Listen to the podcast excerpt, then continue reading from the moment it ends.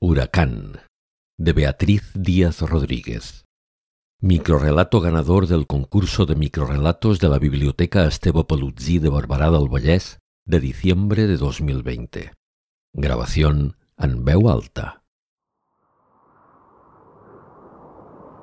El viento del norte trajo al sonrosado y rollizo bebé de los Smith, perfecto para ser el hijo de un granjero. Fue el viento del sur el que, sin embargo, dejó en casa del señor Gran, el notario, a la delicada niña de piel blanca como la leche y ojos azules. El día de la llegada de nuestros gemelos hubo viento del este y del oeste.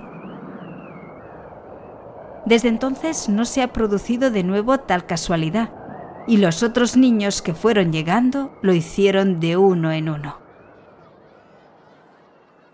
El pueblo se llenó de vida. Construimos una escuela, columpios para las zonas ajardinadas, y pronto nos acostumbramos a las risas y los juegos también a los gritos y las peleas, y a los dulces besos y abrazos para los que nadie nos había preparado.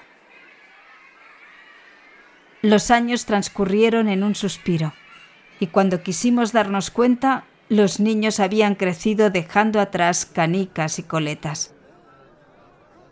Un día salieron a la calle, ya no iban de nuestra mano, y dejamos que el huracán los alejara de nuestro lado.